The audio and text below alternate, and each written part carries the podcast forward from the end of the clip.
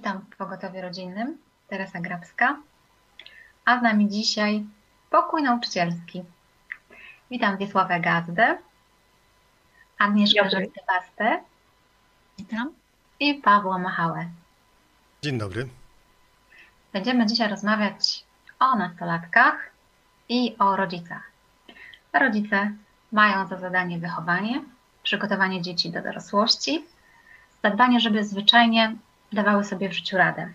Jednak okazuje się, że i przeczytam fragment z artykułu pani Katarzyny Stańczyk pod tytułem Dziecko chowane pod kloszem. Przybywa dzieci, które nie potrafią samodzielnie wykonać najprostszych czynności. Nie sprzątają, nie robią zakupów, nie gotują, mają problem z załatwieniem formalności w urzędzie, nie wiedzą jak sobie poradzić w trudnych sytuacjach. Nie ma co się oszukiwać. Winę za taki stan rzeczy ponoszą nadopiekuńczy rodzice. Pytanie do Was. Po czym poznać rodzica nadopiekuńczego?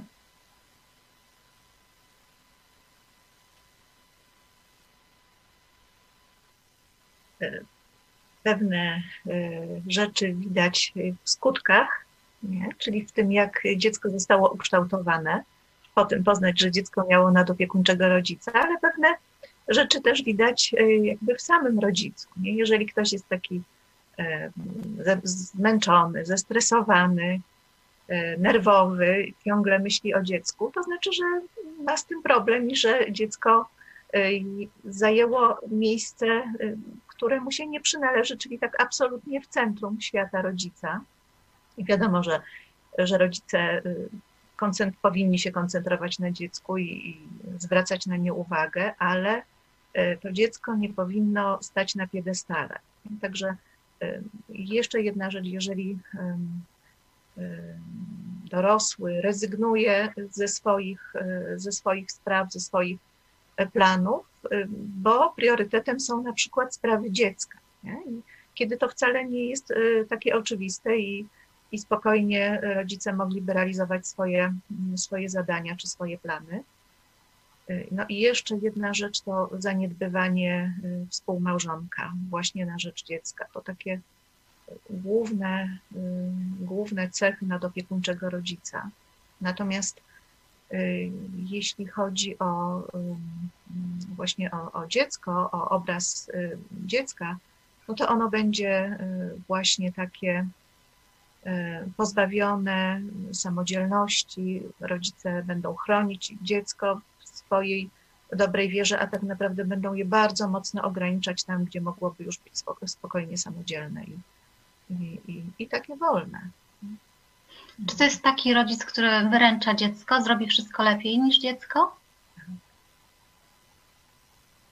Tak, myślę, że, że tak, że wiele rodziców wpada właśnie w tą pułapkę nadopiekuńczości, czyniąc jak gdyby. Mm, w sposób zły, y, źle rozumie troskę o dziecko. Ja to obserwowałam, będąc nauczycielem, gdzie jak grzybów po deszczu y, zaczęły, zaczęli rodzice po prostu proste czynności po prostu zaczęli wykonywać. Y, I obserwowałam rodziców, gdzie potrafiło iść dwoje, troje dzieci do szkoły, a za nimi szły mamy z plecakami coś, co było nie do pomyślenia jeszcze 20 czy 30 lat temu. Przecież chodziliśmy do szkoły, nikt nie nosił nam plecaków, nikt nie nosił nam przyborów. I kiedy czasami po prostu z ciekawości pytam rodziców, dlaczego niesiesz plecak, y, dlaczego pani niesie plecak swojemu dziecku? Przecież to jest zadanie, to jest obowiązek dziecka no to z troską właśnie mama, no ale on kręgosłup będzie miał chory, tyle książek teraz te dzieci muszą nosić, to wszystko jest takie ciężkie, no ja muszę to za niego zrobić. I to jest właśnie takie złe pojęcie troski, złe pojęcie pomocy, bo to jest po prostu obowiązek dziecka, przecież mama skończyła już dawno edukację. Tym bardziej, że dziecko z przyjemnością y, poniosłoby ten plecak. To nie jest żaden wysiłek, także źle zrozumiana troska o dziecko. Ja tylko dodam, że już mówiliśmy o nadopiekuńczości w stosunku do małych dzieci w pogotowiu rodzinnym. Wtedy był tytuł Kiedy dziecko rządzi. I tak, Agnieszko, przypomniałaś mi tornister z podstawówki.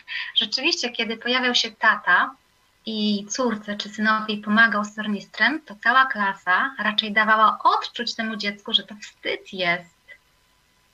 Dokładnie no, po prostu z kogoś takiego w moim dzieciństwie, to ja bym się strasznie wstydziła. Ja bym się wstydziła rówieśników. Pamiętam, że miałam takie y, przy, przypadki, gdzie faktycznie jakaś kontuzja była w dzieciństwie i mama podeszła z tym plecakiem pod szkołę, to ja, ja byłam cała czerwona. Ja się wstydziłam, że mama za, za mnie coś niesie. Także to było nie do, nie do pojęcia.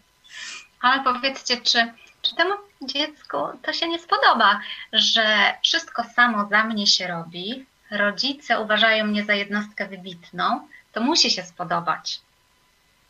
No tak, to y, odpowiada y, bardzo takim głębokim, y, niestety głęboko zakorzenionym potrzebom dziecka, czy cechą dziecka, jakim jest właśnie egoizm. Jakimi są takie skoncentrowanie na sobie, uważanie tylko, że to moje jest najważniejsze, że inni się nie liczą i że y, moje ma być zawsze pierwsze i najlepsze. I mm, coś rzeczywiście pękło niedawno, mam na, mam na myśli, myślę, jakieś ostatnie, mm, w ciągu ostatnich dwóch dekad, bo tak jak Agnieszka wspomniała, y, nie do pomyślenia było kiedyś, żeby dziecko zniosło pomoc rodzica y, jakąś w szkole. Grałem w piłkę wiele razy na boisku takim piaszczystym, ale twardym, z korzeniami różnych drzew, bo to było takie prowizoryczne boisko. Biegaliśmy, nieraz się przewróciłem, zdarłem sobie jakieś części ciała. Gdyby wtedy mama czy tata do mnie podeszli i pomogli mi, e, byłby to wstyd na całą szkołę i, i miałbym się spyszna. A także dziecko rzeczywiście, to, to kiedyś to rzeczywiście nie działało. Dzisiaj w jakiś sposób ten ta sytuacja, czy ta taka jakiś rodzaj mm, no, takiej mm, wychowawczej dewiacji e, pojawia się zarówno u dzieci, jak i u rodziców, że rodzice nie, nie rozumieją swojej roli często, a dzieciom w to graj. I takimi właśnie parami, gdzie to dziecko przekrzywione i tak, bo jest skrzywione od całodziennego grania całej, cał, całonocnego grania w y, jakąś grę komputerową, idzie sobie, a zanim mamusia czy babcia z mojego okna widują drepce e, z tornistrem e, i jedno i drugiemu jest wygodnie, ale nie jest to zdrowa sytuacja. Rzeczywiście, a czy nie czekamy na szok, ponieważ jeżeli rodzice dają nam odczuć, że jesteśmy ważni, najważniejsi, nic nie musimy robić, kiedy wychodzimy e, do innych nastolatków albo do ludzi spoza rodziny i okazuje się, że oni nic szczególnego w nas nie znajdują, co teraz? No tak, to jest, e, to jest problem, bo, bo dziecko jakby nie miało okazji e, zbudować niczego w sobie, nie? Przez to, że, że rodzice je wyręczają, przez to, że właśnie jest cały czas w centrum, to ono się nie nauczyło też patrzeć na innych ludzi, i, i, I ten egoizm, a nawet takie właśnie zadufanie w sobie e, powoduje, że jest napompowane, nadęte, a, a tak naprawdę w środku, e, w środku niewiele jest. No i, i, i taka konfrontacja, mm, e, jeśli spotyka rówieśników ukształtowanych w taki zdrowy sposób, no to, no to szybko się jakby rozczaruje samo sobą takie dziecko. A jeśli spotka podobnych do siebie, no to no to się zacznie, zacznie walka, kto tu, e, kto tu ma większe prawa i no, no, generalnie to jest właśnie takie krzywdzenie dziecka, nie na wielu płaszczyznach. To jaka będzie osoba dorosła z takiego nastolatka wychowanego przez nadopiekuńczych rodziców? No, myślę, że to doprowadzi do zahamowania rozwoju dziecka na pewno sprawi, że, że to dziecko doświadczy wielu problemów y, w swoim dorosłym życiu, przede wszystkim problemów z emocjami. Ja mam taki przypadek w rodzinie właśnie nadopiekuńczej mamy i chłopak już w tej chwili jest dorosły, ale ciągle jest traktowany jak dziecko. I on ciągle ma problemy z podejmowaniem decyzji. Y, z takim byciem za coś odpowiedzialnym, dlatego że wszystko, całą odpowiedzialność y, za niego wykonywali cały czas rodzice i nadal wykonują. W związku z tym on jest pozbawiony takiej, takiej, takiego zdawania sobie sprawy za coś odpowiedzialności no jest mało odważny, pojawiają się też kompleksy. No i przede wszystkim te zaburzenia, zaburzenia emocjonalne, problemy z poczuciem własnej wartości. I to w konsekwencji może doprowadzić do takiej roszczeniowości w przyszłości, wielkiej frustracji, a nawet agresji. W takim razie, co robić? Jak uczyć dziecko samodzielności, jak, żeby nie wychować go na niezaradnego i egocentrycznego dorosłego? Należałoby przywrócić dziecku jego właściwe miejsce w rodzinie, a tym, tym, to miejsce powinno być nacechowane e, taką cichą i spokojną pracą, skoncentrowaniem na zadaniach, które rodzice przy, przypisują dziecku, e, na rozumieniu tego, tej linii podziału między dorosłymi a dziećmi. Dziecko powinno wiedzieć, co dziecku przystoi, a co nie przystoi.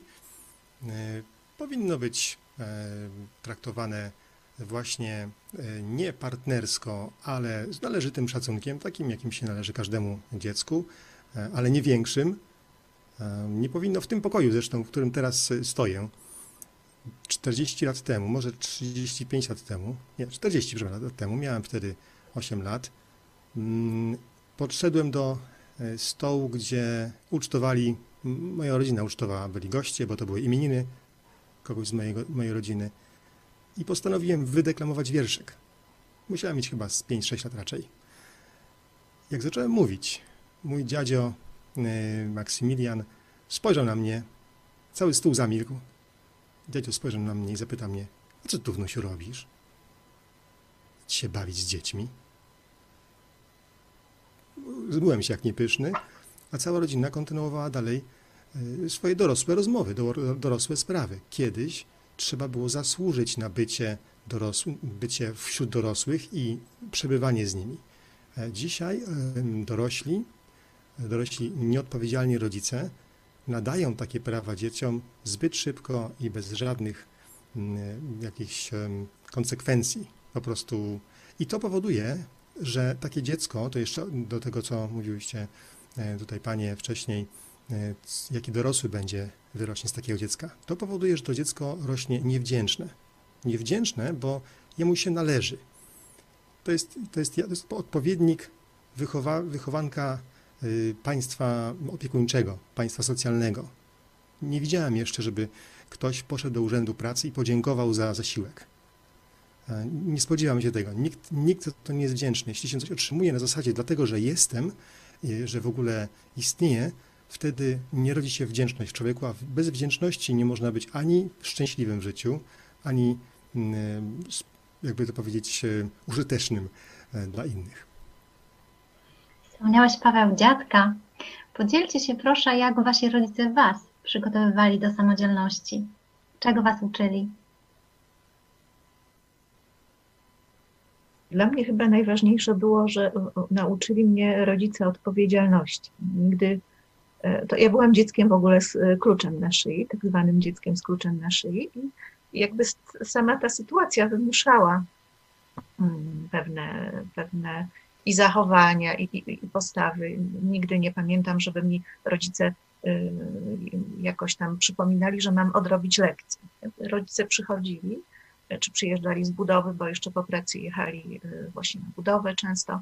No i ja miałam wtedy wszystkie lekcje już odrobione i wszystko, co, co do mnie należało, y, zrobiłam. Też y, myślę, że takie zwykłe zaszczepienie jakiegoś takiego kręgosłupa, nie? kręgosłupa systemu wartości. I to jest chyba nawet ważniejsze niż nauczenie jakichś tam czynności, umiejętności, bo tego się zawsze szybko jeszcze można nauczyć, chociaż no wiadomo, że człowiek czuje się pewniej, jeżeli umie pewne rzeczy, ale ja z tym miałam problem, bo moja mama była no, bardzo zajęta i często nieobecna i, i, wielu rzeczy jakby nie nauczyła mnie, y, jak coś zrobić, ale to, to myślę, że dość, dość łatwo y, sama się tego nauczyłam. Natomiast właśnie y, to, że mm, zawsze wiedziałam, że coś zrobiłam źle, nie?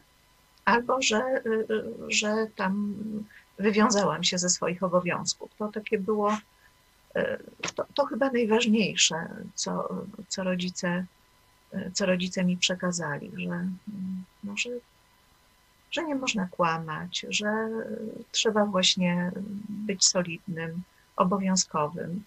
No, trochę za, za dużą wagę przywiązywali do moich osiągnięć szkolnych. Przez to tak, no, widzę, że widziałam, widzę, że teraz widzę, że wtedy byłam troszkę taka przemądrzała, nie?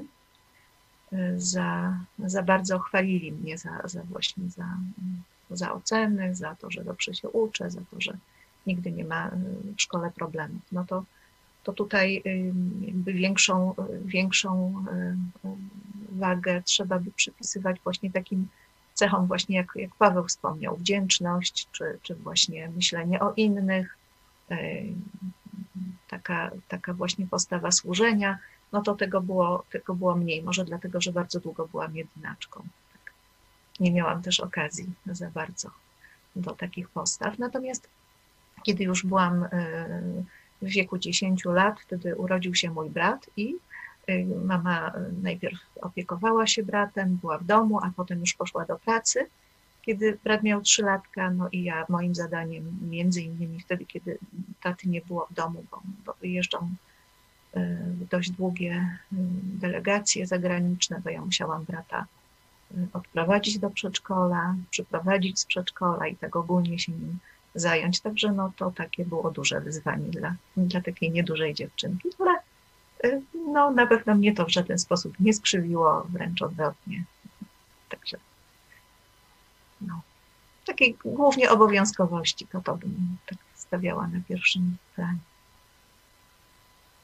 Myśmy z kolei mm, od małego z siostrą nauczone były pracy, ponieważ tato był jedynym żywicielem rodziny był przede wszystkim rolnikiem, mieliśmy gospodarstwo, ale też pracował w fabryce mebli i też zajmował się fotografią. To z mamą mm, no, praktycznie musiałyśmy być za wszystko odpowiedzialne. I ja jako taka dziew, dziewczynka y, dziesięcioletnia, no to, to już y, naprawdę musiałam sporo potrafić umieć i łącznie z tym, że jak były właśnie czy sianokosy, czy zboża, no to, to z siostrą właściwie za, za te prace byłyśmy odpowiedzialne. Wiadomo, że dawniej nie było takich sprzętów, jakie są dzisiaj i myśmy to wszystko ręcznie wykonywały. Siostra była 10 lat starsza ode mnie, to, to, to już właściwie musiała takie prace wykonywać jak, y, no jak, jak, jak dorośli, była za to odpowiedzialna nawet do takich ważnych zadań jak wydojenie krowy czy, czy odbiór y, potomstwa od krowy, nawet, nawet takie rzeczy potrafiła robić, natomiast no, ja ogródek, plewienie, wyjście w pole nawet czasami na cały dzień pracowałyśmy y, dosyć ciężko i na to wszystko był, jest, był, na wszystko było czas, także przychodziło się i odrabiało się lekcje, nikt mi nie pomagał, byliśmy tacy bardzo samodzielni. I faktycznie no to zaprocentowało. Bardzo jestem rodzicom za to wdzięczna, że, że nauczyli mnie pracować w tak y, młodym wieku, bo później mi dużo rzeczy w życiu po prostu przychodziło z łatwością. Coś, co moi rówieśnicy no, no nie umieli tego wykonać. No to dla mnie to było po prostu taką oczywistością, że trzeba, trzeba to iść i zrobić. I, i właśnie nauczyło mnie takiej y, odpowiedzialności za, w pracy już od początku. Nigdy nie miałam problemu z jakąś punktualnością, czy, czy właśnie ze wstawaniem porannym, bo, bo, bo to, to właśnie wypracowaliśmy w dzieciństwie w domu. No i, i przede wszystkim za to jestem rodzicom wdzięczna. Natomiast mniejszą e, wagę przykładali do nauki. Pomimo, że ja nie miałam żadnych problemów e, z nauką, to właśnie do nauki moi rodzice nie mieli takiej ambicji, tylko uważali, że właśnie ta praca jest y, ważniejsza nawet od nauki i ja tego w dzieciństwie, no wiadomo, że to człowiek się buntował i nie zawsze rozumiał, ale no wiem jak to było cenne, dopiero w dorosłym życiu to, to człowiek pojął, zrozumiał, że, że to było bardzo ważne. Moi rodzice y, y, traktowali mnie i mojego braciszka młodszego o dwa lata Maćka tak odpowiedzialnie, bardzo wcześnie zaczęliśmy pracować, ponieważ mieszkamy na wsi. To była taka rodzina chłoporobotnicza. Tata z mamą pracowali w fabryce, e, mama jako pielęgniarka, tata jako tam jakiś kierownik w mleczarni, ale po pracy dorabiali, żeby utrzymać całość i mm, dużo pracowaliśmy, szczególnie w wakacje. Wakacje były dla nas nie niekończącym się pasmem przygód, tylko siedzeniem w porzeczkach, w tunelach. Mm, I byłem wtedy zły na rodziców. Pamiętam, że dopiero wieczorem, jak tylko pamiętam do tej pory dźwięk piłki odbijającej się o, o murawę boisku, no boiska niedalekiego, jak mi serce, serce rwało się, a tutaj jeszcze, jeszcze tam ziemniaki masz obrać, jeszcze coś i, i byłem wtedy zły, ale mam w rodzinie przykład osoby, która takiego życia nie miała, to znaczy miała wszystko, co chce i kiedy chce i, e, i właśnie miała zawsze czas na wszystko, na kąpiel w rzece, niedalekiej zresztą też, czy na te, na te gry różne, i nie ma jej dzisiaj z nami już e, z tego, między innymi z tego powodu. Ale chcę powiedzieć o pewnej historii krótkiej e, z moim dziadziem Maksymilianem, który wyleczył mnie w sposób e, chyba nieświadomy, a może świadomy, z lęku przed ciemnością. Miałem chyba około 10 lat, bałem się ciemności i pewnego wieczoru E, dziadzie powiedział, e, skocz wnusiu tam do klubu, był taki klub, klub rolniczy w sąsiedniej wsi, do której się szło przez ciemny las i, i nad rzeką długo, no, około dwóch kilometrów.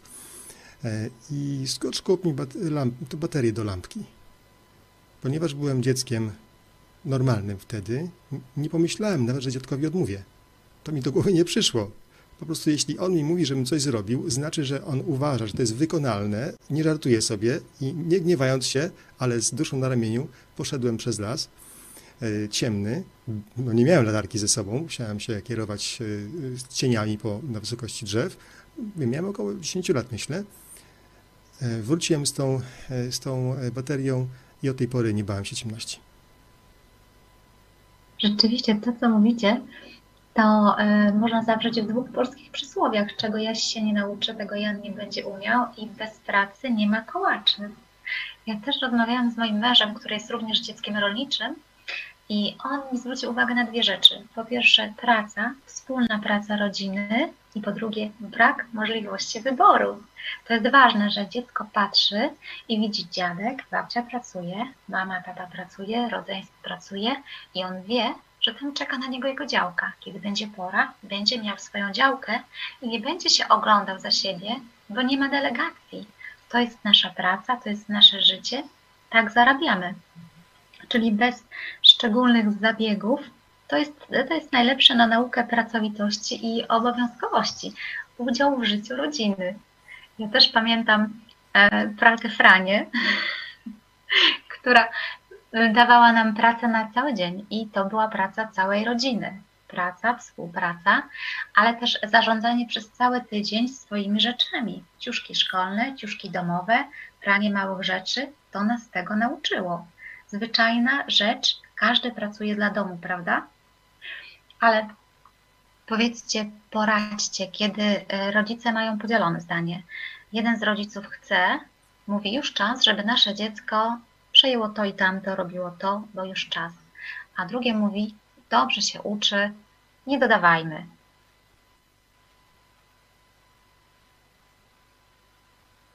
Jaka będzie Wasza porada?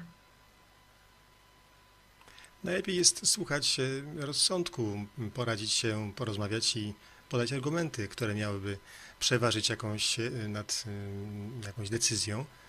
Mm, zwykle w mojej rodzinie e, w takich sprawach zawsze e, jest e, konsultacja i to często wiele rozmów prowadzę z żoną, którą mam bardzo mądrą i słucham jej, jej rad. Ostatecznie ja decyduję, ale to robimy razem po takich właśnie rozmowach.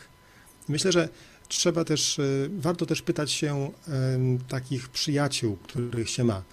Jeśli w moim przypadku w kościele mam wielu przyjaciół, którym mogę ufać i i których doświadczenia mi służą w ten sposób, że obserwuję ich doświadczenia, albo proszę ich, żeby się podzielili i, i wtedy e, biorę je pod uwagę, kiedy decyduję. Także, mm, ale myślę, że nie trzeba być chrześcijaninem w kościele, aby e, mieć jakiegoś zaufanego przyjaciela i się poradzić, bo czasami ktoś z zewnątrz może widzieć lepiej niż my, e, naszą rodzinę, lepiej niż my z wewnątrz. Tam takie dam rady. Pod naszą grafiką podaliśmy informację Obecnie młodzież dużo czasu spędza przy komputerze i świetnie się posługuje internetem. Jednak nie radzi sobie z przygotowaniem prostego posiłku. Dlaczego? Wiemy już dlaczego, wiemy co możemy z tym zrobić.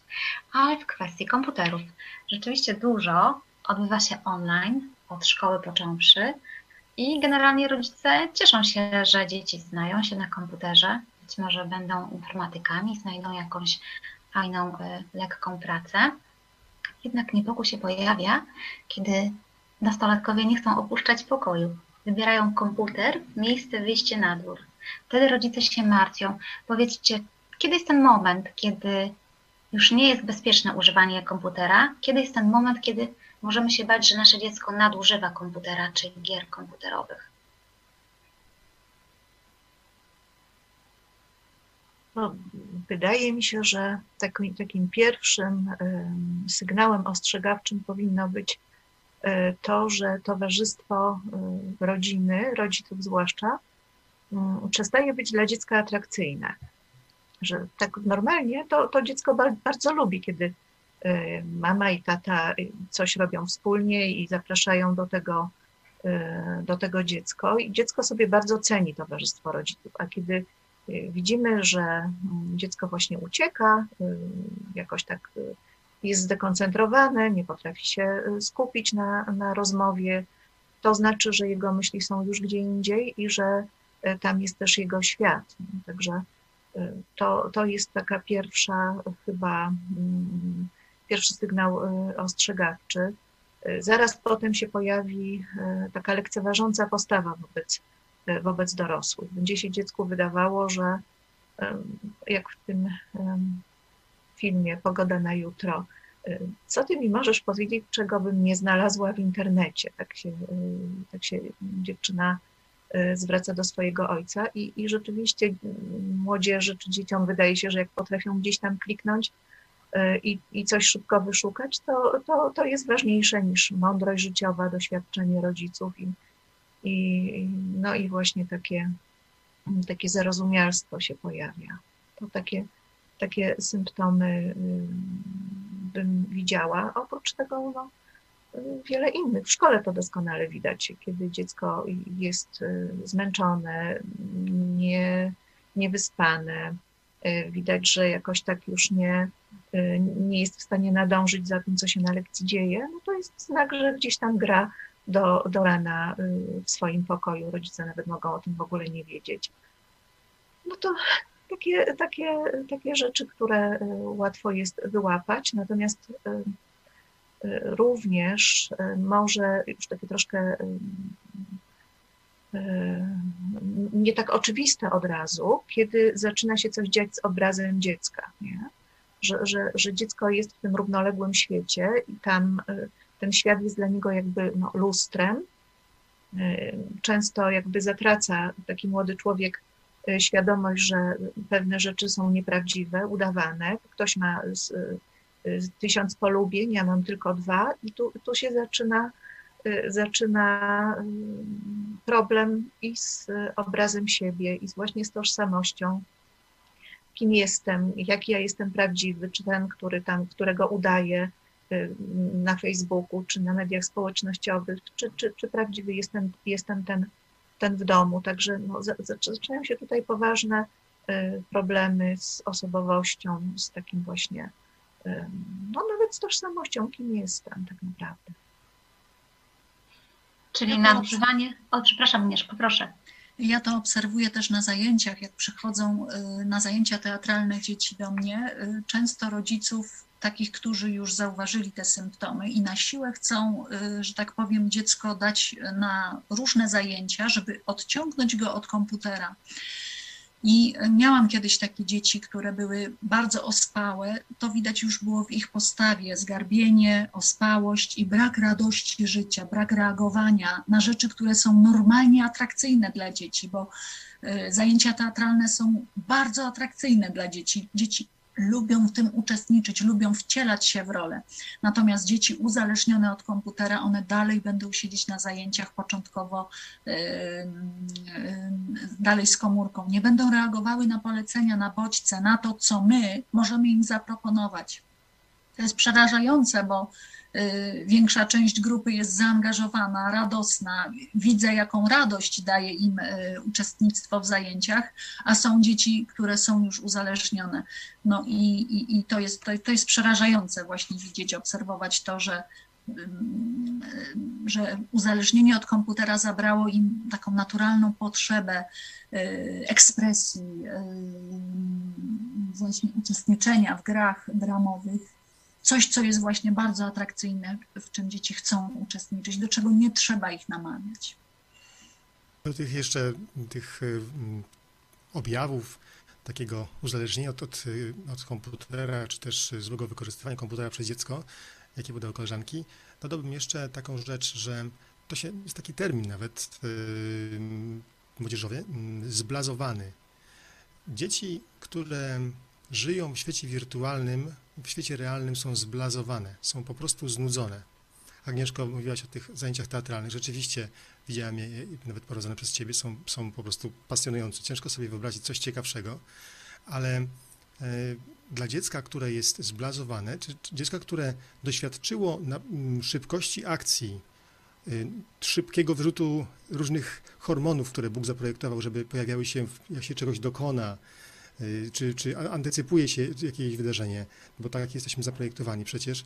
Dziecko, jeśli otrzymuje takie, takie wewnętrzne, te chemiczne i takie nawet zewnętrzne jakieś tam oklaski, E, za nic, za po prostu przesuwanie kilobajtów albo tam gigabajtów danych e, po jakichś tam danych serwerach, takie dziecko, dla takiego dziecka realne zajęcie jest po prostu nieciekawe i y, trudno się temu dziwić. Nie, nie można się, ja nie jestem zły na te dzieci.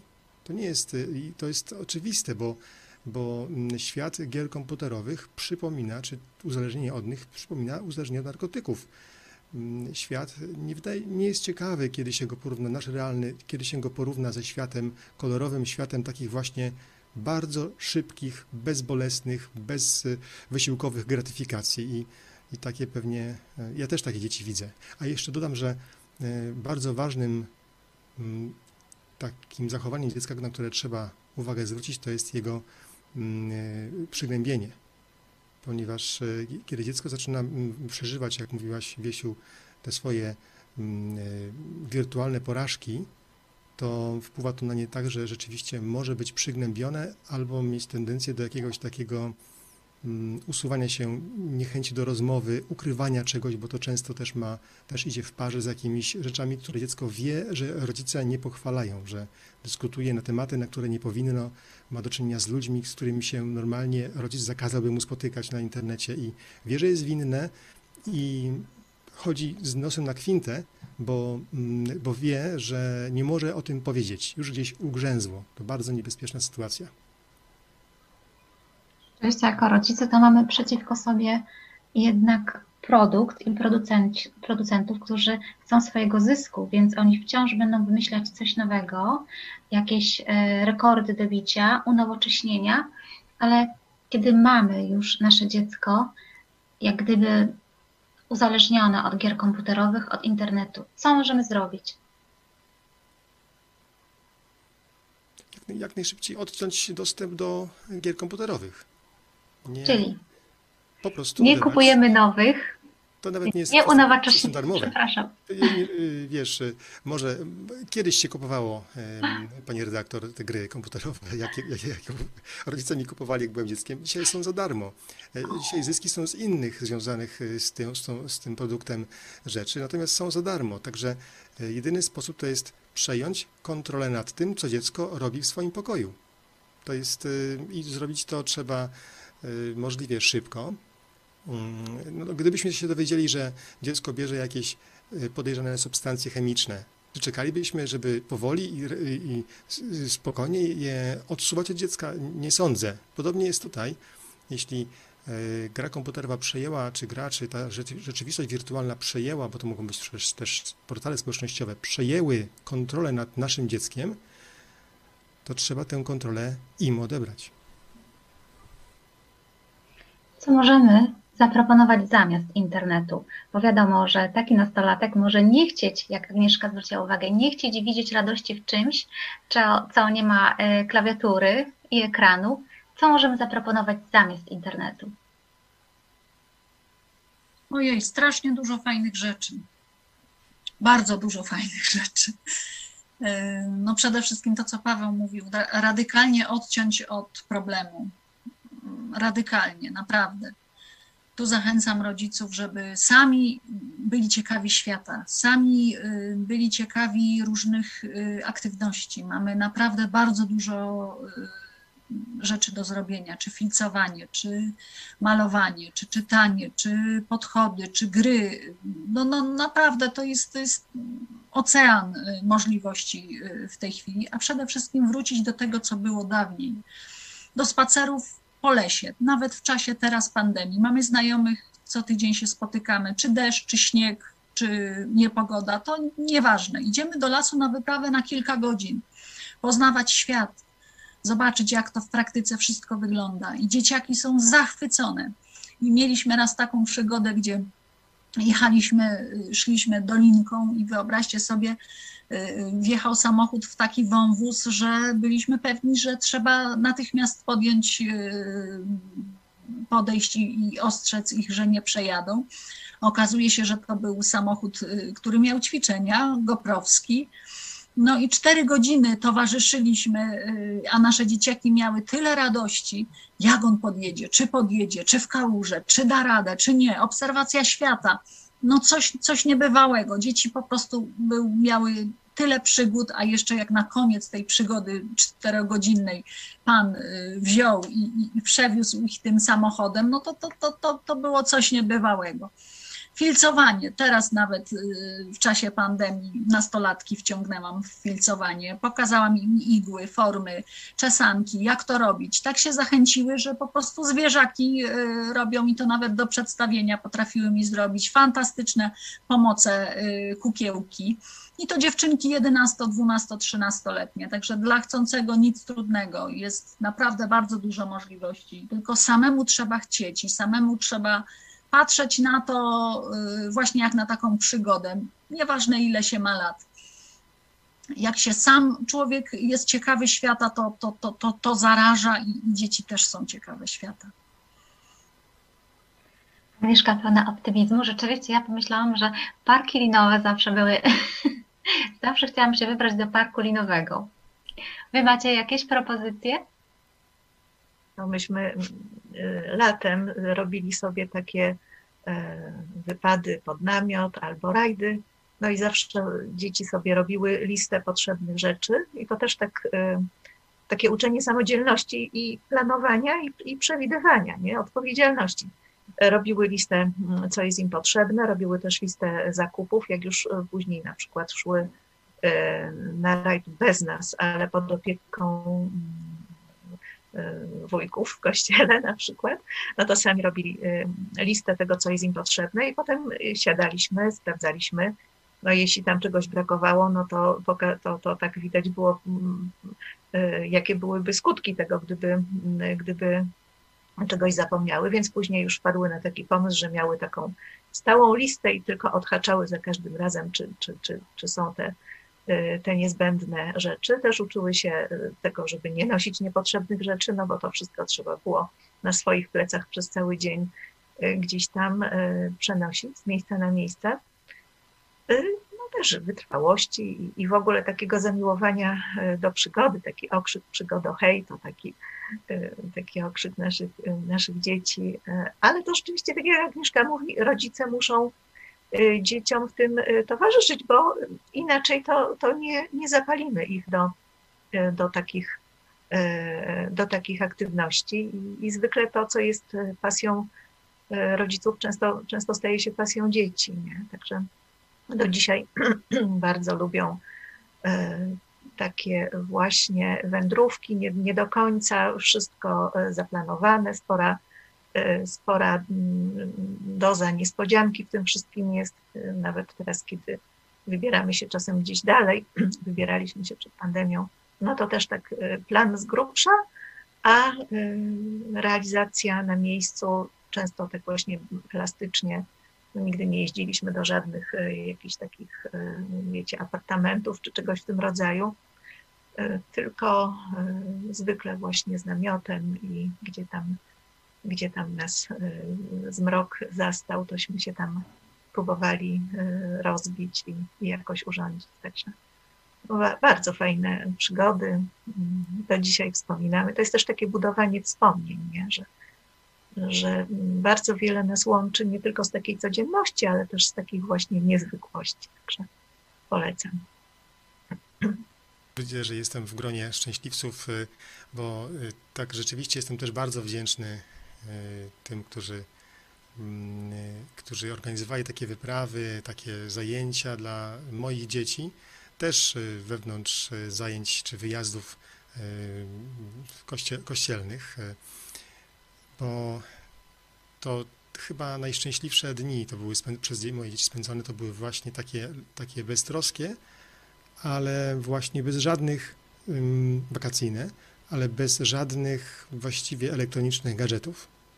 Oprócz latarki być może jakichś nie wiem tam czego jeszcze, tego, czegoś podobnego, to, to nie, telefonu, który był tylko służył do kontaktowania się. Nie, nie, nie pamiętam w tamtych czasach, a nie tak dawno, bo załóżmy 15 lat temu to było, nie pamiętam dzieci w naszym kościele, żeby siedziały na murkach i coś przyglądały. No, nie było takich smartfonów, co pra, to prawda, ale nawet gdyby były, nie, nie, tego sobie nie wyobrażam, bo zajęcia były tak ciekawe, intensywne. Tutaj wujkowie, których nie wymienię zmienia, ale których dobrze pamiętam i jestem wdzięczny, ciocie nie mniej yy, zaangażowane, organizowały tak czas, że to był raj dla moich dzieci. A, a, ale w ogóle sam e, w domu radziłbym, jeśli miałbym dać radę, e, ja bardzo lubię takie wycieczki, mm, też niespodziewane, takie właśnie bez szczególnego planu. Jedziemy w tamtą stronę, wrócimy tamtędy rowerami najczęściej, bo raczej nie samochodem i myślę, że mm, nie, nie przesadzę, jak powiem, że moje dzieci bardzo to lubiły.